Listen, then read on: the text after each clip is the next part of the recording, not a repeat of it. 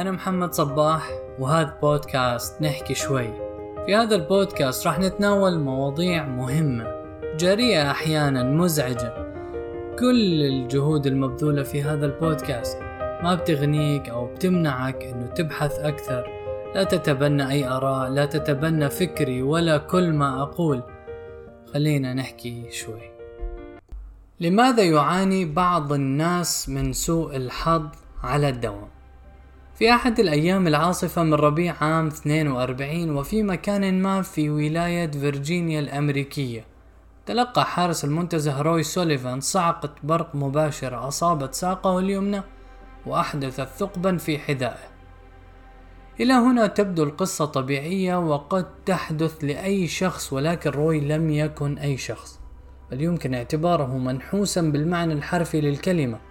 إذ أنه خلال الخمسة والثلاثين عاما التالية سيصاب بست صواعق برق أخرى في أماكن متفرقة. تعد قصة روي من القصص النادرة والمدهشة حتى أن اسمه أدرج في موسوعة جينيس للأرقام القياسية عام 2001 بوصفه الشخص الوحيد الذي نجا من سبع صواعق للبرق.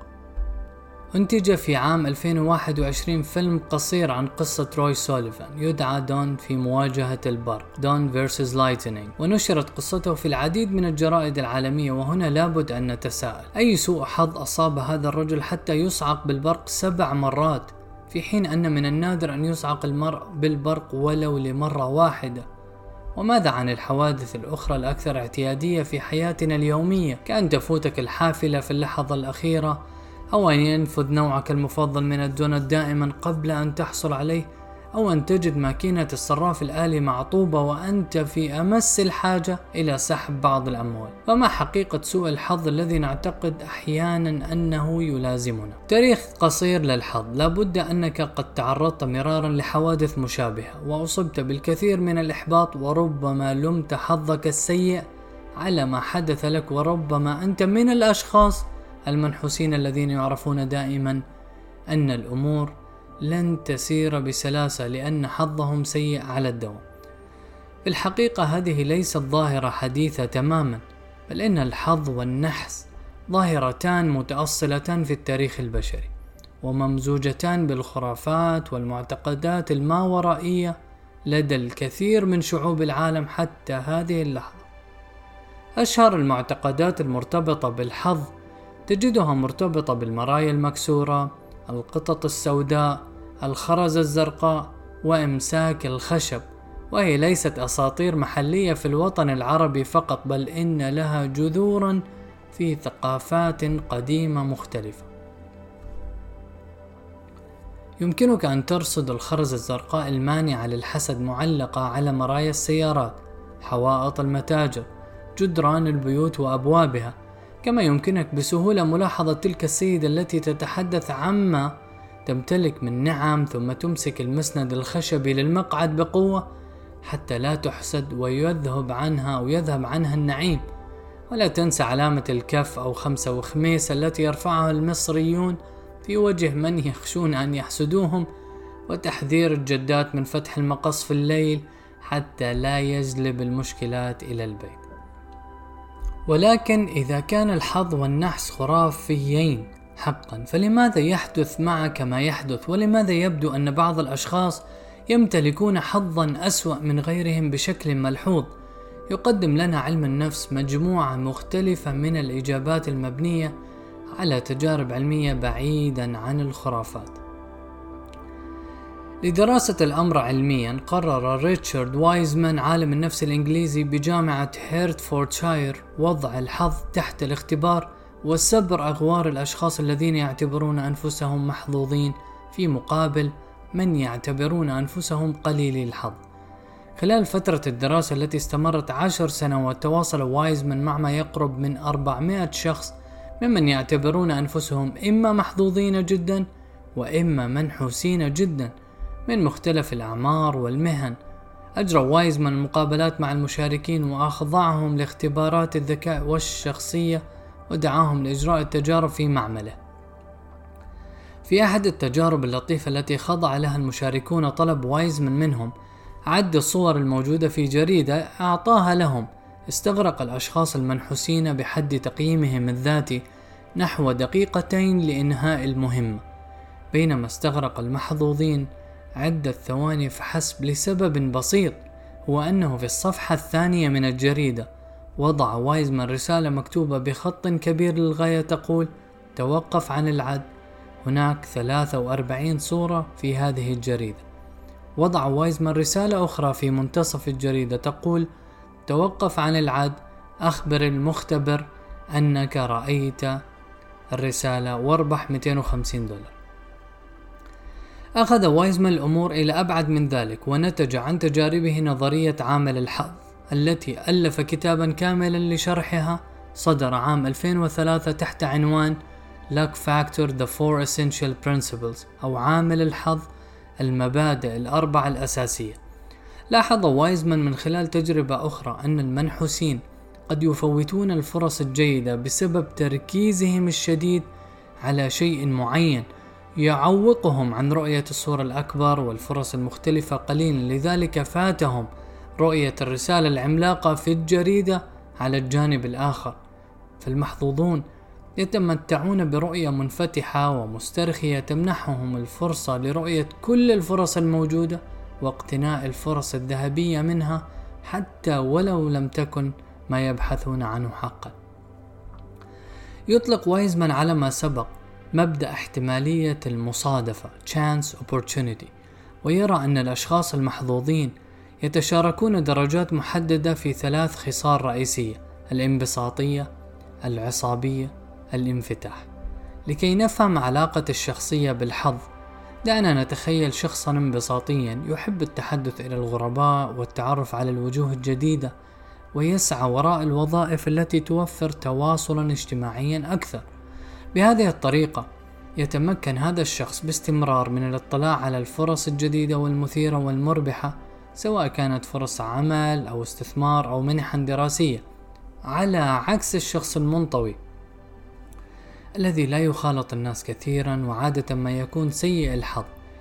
في التجربة السابقة فشل الأشخاص المنحوسين في رؤية كلتا الرسالتين بينما نجح المحظوظون في رؤيتهما في معظم الحالات ويرجع ذلك إلى موقع الشخص من نطاق العصابية يرى وايزمان أن الأشخاص المحظوظين في العموم يسجلون درجات منخفضة من العصبية أو العصبية أي أنهم يتمتعون بالهدوء والاسترخاء بينما المنحوسين. غالبا ما يسجلون درجات عالية من العصبية إنهم أي إنهم يعانون من القلق والتوتر اللذين يتسببان في تشتيت صاحبهما عن الفرص الماثلة أمام عينيه خاصة عندما لا يتوقع حدوثها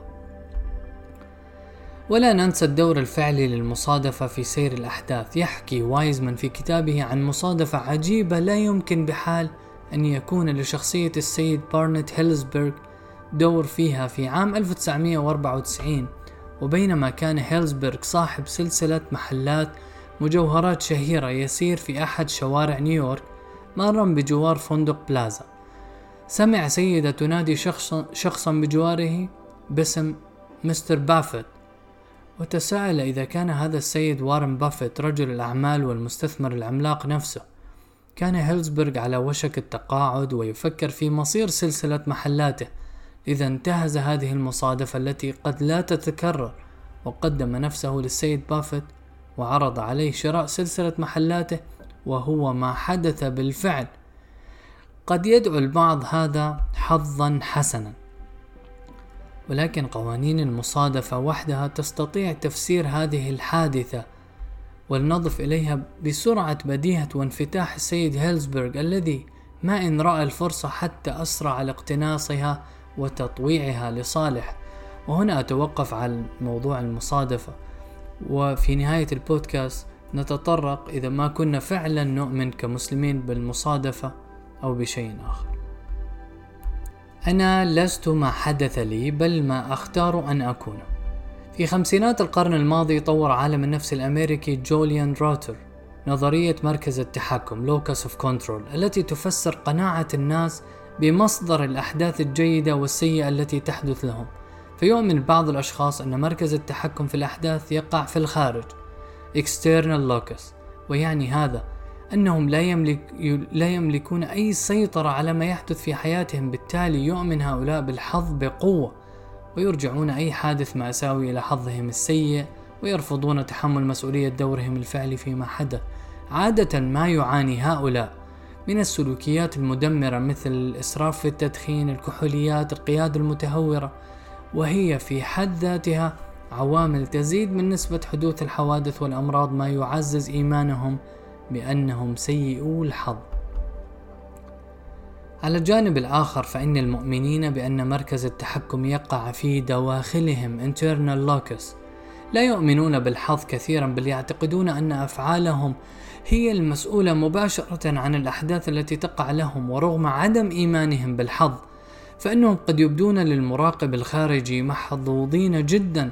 فهم أشخاص متفائلون يعملون بجد على تحقيق أهدافهم ولا يستسلمون بسهولة عند مواجهة مصاعب الحياة بالتالي يحققون النجاح في الدراسة والعمل بمعدلات أفضل من الفئة الأخرى لذا بشكل ما يصنع المؤمنون بمركز التحكم الداخلي حظهم بأنفسهم ولا يعتمدون على مصادر خارجية ما ورائية لدعمهم. أنت تصنع حظك بنفسك. إرنست هيمنغوي بالعودة إلى تجارب وايزمان نجد جانبا آخرا للحظ وهو ببساطة أن الأشخاص المحظوظين يتوقعون الحظ الجيد دائما. الفرق بين المحظوظون والمنحوسون أو المنحوسين طبقا لأبحاث وايزمان هو طريقة تفكير كل منهما في نفسه وفي مسار حياته. وجد وايزمان من خلال الاستبانات التي قدمها المشاركون أن من يعتبرون أنفسهم محظوظين يميلون إلى توقع أشياء جيدة في المستقبل فهم يتمتعون بنظرة متفائلة نحو ما هو قادم وذلك على عكس ما يعتبرون أنفسهم منحوسين.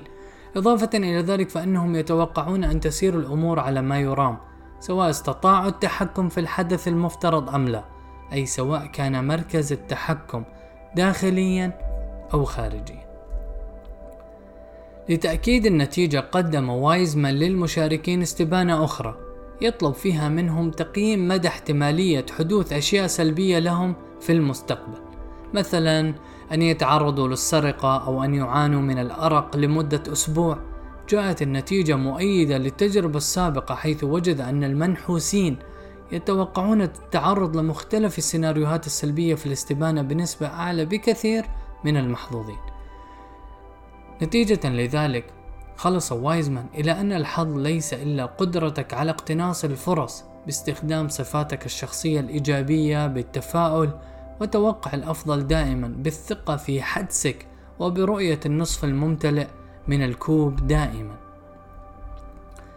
في السياق ذاته تتدخل نظرية النبوءة ذاتية التحقق التي وضعها عالم الاجتماع الأمريكي روبرت ميرتون لتضيف تفسيرا جديدا للعبة الحظ. هل تنبأت يوما بشيء ما وتحقق؟ كأن تتنبأ برسوبك في مادة الفيزياء مثلا أو أن يفوتك الباص أو القطار. في الواقع فإن توقعك المتشائم في حد ذاته قد يكون السبب في رسوبك أو تفويتك القطار. ربما تسببت توقعاتك في زيادة توترك وعدم تركيزك في إجابة أسئلة الامتحان. أو نسيان ضبط المنبه قبل موعد القطار بوقت كاف. لذا فإن تنبؤك بالفشل في حد ذاته كان هو السبب في حدوث الفشل فيما بعد.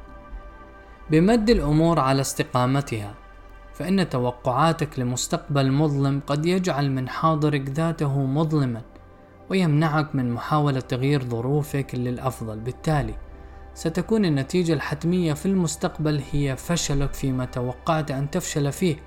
فما الفائدة من العمل من أجل مستقبل لا نرى فيه نورا؟ إن كنت تتوقع الفشل في الامتحان فلماذا تذاكر أصلا؟ ولو توقعت أنك ستفشل في علاقاتك العاطفية فلماذا تبذل جهدا لتحسين نفسك؟ على الجهة الأخرى فإن الشخص المتفائل يتوقع النجاح في مساعيه حتى لو أشارت كل الظروف إلى عكس ذلك لكن هذا لا يثنيه عن بذل جهده كاملا في سبيل تحقيق مسعى قد يبدو لك المفهوم السحري الشعبي للحظ جيدا أو للحظ الجيد مثيرا أكثر من المفهوم العلمي الأكثر واقعية.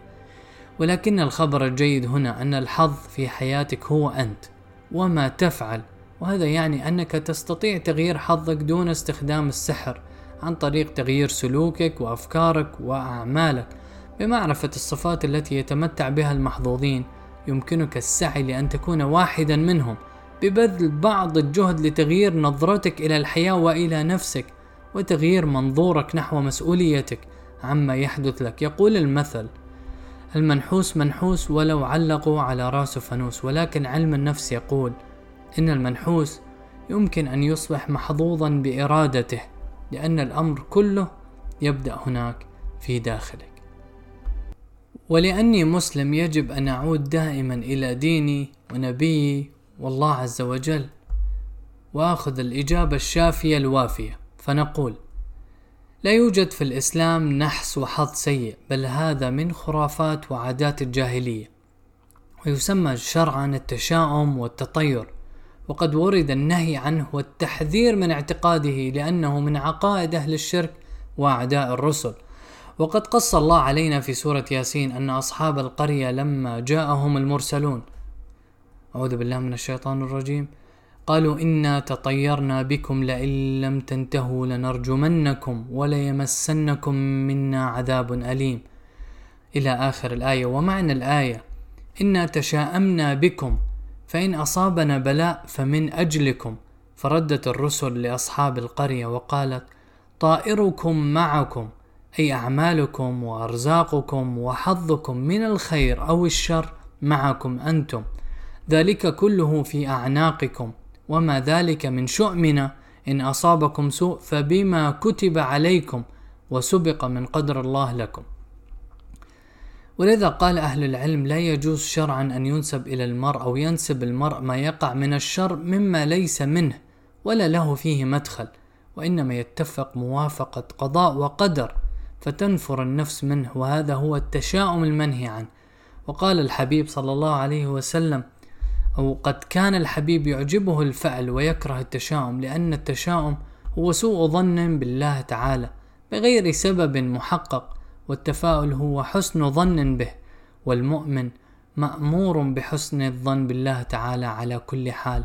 فلا يجوز لك أن تتشائم من ابن عمك أو من وظيفتك أو من علاقة جديدة وتجعلهما سببا في بطلان كل عمل تريد تحقيقه. بل ابحث عن السبب الحقيقي لتخلف العمل وقد يكون الله أراد لك خيرا بذلك لأن الله يعلم وأنت لا تعلم. سلام.